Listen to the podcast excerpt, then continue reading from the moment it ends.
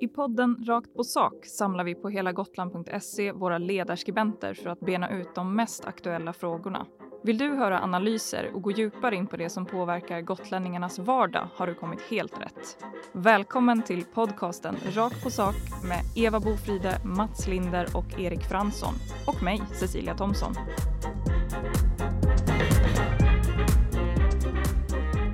Vi är tillbaka, men inte fulltaliga den här veckan heller. För att, eh, nu är det ju allas vår Mats Linder som dukat under. Men vi ska göra vårt bästa för att upprätthålla någon slags eh, kvalitet ändå. Välkomna Eva Bofride och Erik Fransson. Tack så mycket. Hur är det med er? Pigg och glad. Ja, det, det låter som att det inte är så där jättebra, men det är bättre än vad det låter. Ja, men det var skönt att höra. Idag, hörni, Eh, är det dags att prata om det faktum att vi tjänar så otroligt dåligt på Gotland.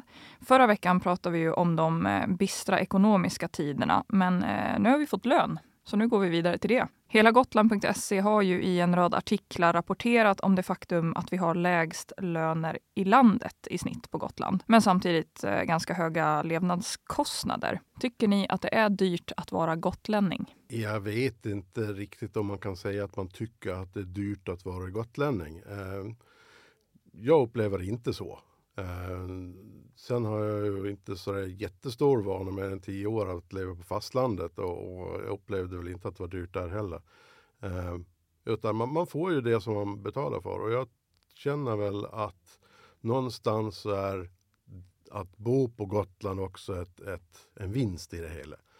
Eh, så att man får väl ta det goda med det onda. men det är väl bevisat att vi har högre kostnader än, än, än andra. Sen vad man tycker, och det är en annan sak. Men, men eh, vi har ju... Eh, eh, framförallt är det ju eh, att vi har lägre inkomst som skiljer. Uh, kostnaderna på hyror och så där finns ju olika syn på vad det ligger. Men lönen ligger ju väldigt mycket under vår, om, i stort sett alla branscher tror jag om man jämför med fastlandet. Och när det gäller just de låga lönerna, då, hur, hur kan man liksom förändra det? Eller kan man, kan man som individ förändra det på något sätt? Eller ska det till något eh, större? Alltså som individ så kan man ju alltid försöka påverka sitt löneläge.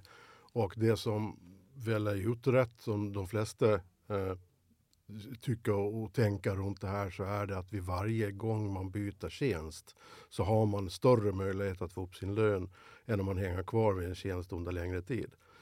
Eh, så att, så att det som man skulle rekommendera då det är att folk byter jobb lite oftare. Eh, det behöver inte vara att man byter arbetsgivare utan det kan också vara tjänst inom samma företag så att säga. Eh, för att det är vid de lägena som man kan höja sin lön. Och det är vi ganska dåliga på ju. Alltså att byta jobb här på Gotland. Ja, och, och, det finns ju anledningar till det också. Det finns inte så många andra jobb att byta till. Vi, alltså, branscherna på Gotland är rätt så begränsade.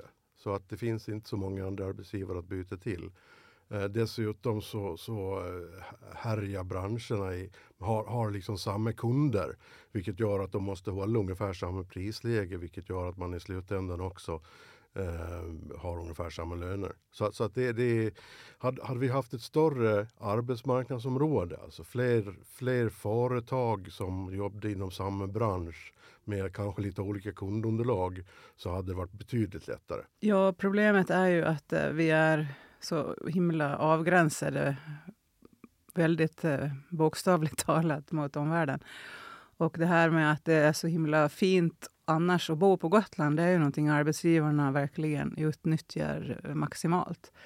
Eh, jag har hört talas om chefer som när någon har varit på en anställningsintervju och ifrågasatt då löneläget. Men eh, fick då svar att ja, men vi har ju våra gotländska sparris här varje vår och vi har såna här grejer som man kanske inte ska säga i en sån situation. Har också hört eh, om folk som har ifrågasatt och hur ska jag kunna öka min lön, vad är det ni vill att jag ska göra? Liksom, för det är också ett sätt att man kan få vissa lönesamtal och så här. Och har fått eh, liksom rådet, ja men du får väl hota med att säga upp det då, så kanske vi får se vad vi villiga att betala för att ha det kvar.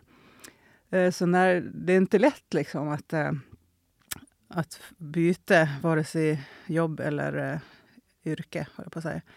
Så det är ju en allt, det hänger ihop så himla många saker i det här som gör att det är svårt att liksom, hitta någon nyckel. Det verkar också oklart vilka vilka arbetsgivare är som har de här låga lönerna som uppenbarligen drar ner det här snittet. För att när, jag vet när Simon Bendelin eh, på GT som har eh, gjort den här serien har ringt runt till x antal olika större arbetsgivare så säger de att nej men vi ligger ungefär på, vi försöker hålla oss på rikssnittet eller vi har översnittet. Så att man undrar ju vilka, jag funderar lite på om det, om det har någonting med att göra att vi har en ganska stor liksom, offentlig sektor, många som jobbar inom eh, vård och omsorg till exempel, jobbar deltid. Vad, vad tror ni? Ja, men det tror jag absolut stämmer. Att, att, eh, för att industrin är ju någonstans löneledande och, och inom industrin så har man hyfsat bra löner eh, generellt sett. Eh, och på Gotland har vi knappt någon industri kvar.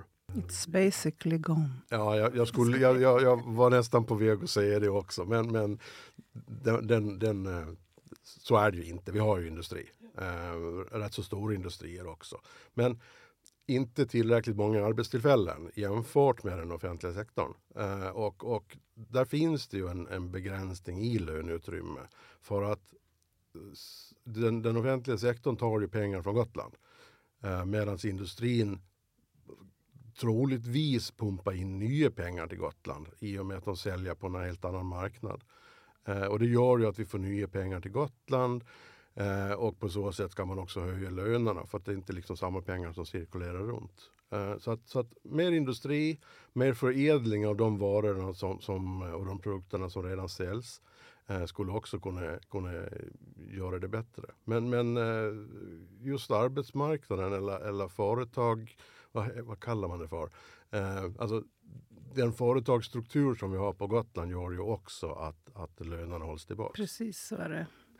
Och det är därför också det är så viktigt att man ser till att varje gång man kan få, en, få arbetstillfällen i, till det privata som det privata lika gärna kan utföra än regionen så måste man ta varje sådant tillfälle eh, där det är lämpligt. Men där håller jag inte riktigt med på att det skulle kunna ge högre löner. För att det är ju ändå, eh, det är ju ändå regionen som styr kostnaden utifrån eh, de upphandlingarna som görs. Ta, ta, ta, så, så, att, så att det hjälper inte löneläget. Ta, ta, ta exempel, jag tror inte att de inom exempelvis Attendo tjänar så mycket mer än, än de som jobbar på, på regionens eh, äldreboenden. Eh, som exempel. Nej, det, jag tänkte bara fortsätta på ditt resonemang att det är viktigt att få in nya pengar till Gotland och att det påverkar både, alltså det påverkar hela vår ekonomi. Ja, men om, om, om regionen lägger ut mer på privat så blir det ju inte nya pengar för det är regionens pengar ändå som, som bekostar just de bitarna. Ja, men det kan stärka det privata företaget så att det kan få en bättre ekonomi och kanske leva vidare. Men det är en annan diskussion kanske vi kommer in på. Vi, eh, vi går vidare. Jag tänkte ta upp en sak som, eh, jag vet inte om ni läste artikeln med etnologen Ove Ronström Eh, och det, jag tyckte var en ganska, han sa flera saker som var intressanta, men en av dem eh, eh, tyckte jag var det här med att bilden av att, eh, att det är så dyrast att leva i storstäderna, eh, att den har liksom cementerats trots att det inte stämmer längre. Var liksom, eh, och, och, så föreslår han ju också då att vi på Gotland borde ha ett dyrortstillägg vad tror ni? Känns det realistiskt? Med dyrortstillägget till Gotland? Eh, jag är skeptisk. Det skulle varit jäkligt skönt och jäkligt bra. Men, men, men jag tror inte att, det, det, att, att staten kommer och, eller att regering och riksdag kommer att rösta för ett sådant förslag. Eh, däremot så är jag lite skeptisk till om det verkligen stämmer det som, det som eh, att, att, det skulle vara, att det inte skulle vara dyrare att leva i, i städerna än, än här. Men, men eh, det är bara en ren, eh, eh ren egen tanke. Jag tror, eh, det här blir ju, Ove Ronström gissar ju ganska mycket och det gör jag också när jag gissar att han har rätt i det. Att, eh, den här, att det är en, en, eh, en sorts myt att det ska vara så himla dyrt att bo i storstan. Där har du ju trots allt fler valmöjligheter. Du, du kan välja billigt i storstan. Det kan du inte här på Gotland till exempel i lika stor utsträckning. Men det är min gissning. En tantgissning. Det får man ha. Får man. Jag har med två snackisar till er den här veckan. Eh, och den första är ju också på eh, tema pengar och att vi inte har några pengar, nämligen eh, Gotlandshems hyror i det nya kvarteret på A7 som ju vi skrev om här tidigare i veckan.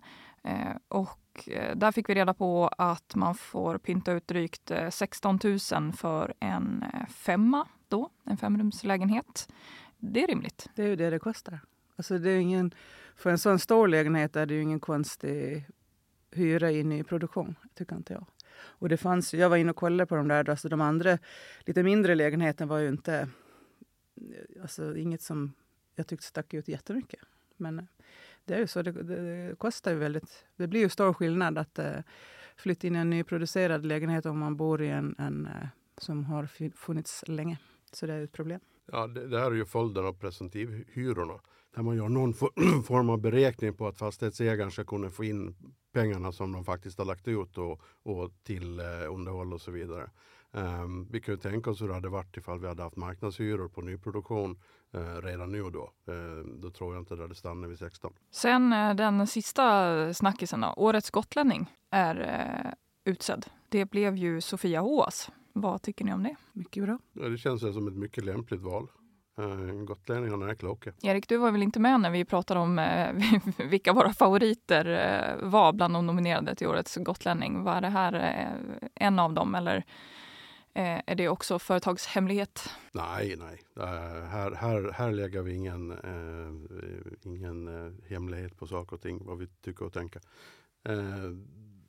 nej, alltså, alltså jo, hon, hon var absolut en av favoriterna.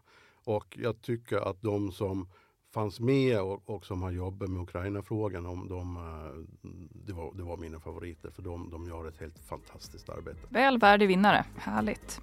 Då eh, återstår det bara för mig att rikta ett stort tack till eh, dig som lyssnar och eh, vi är tillbaka nästa fredag igen, förhoppningsvis fulltaliga.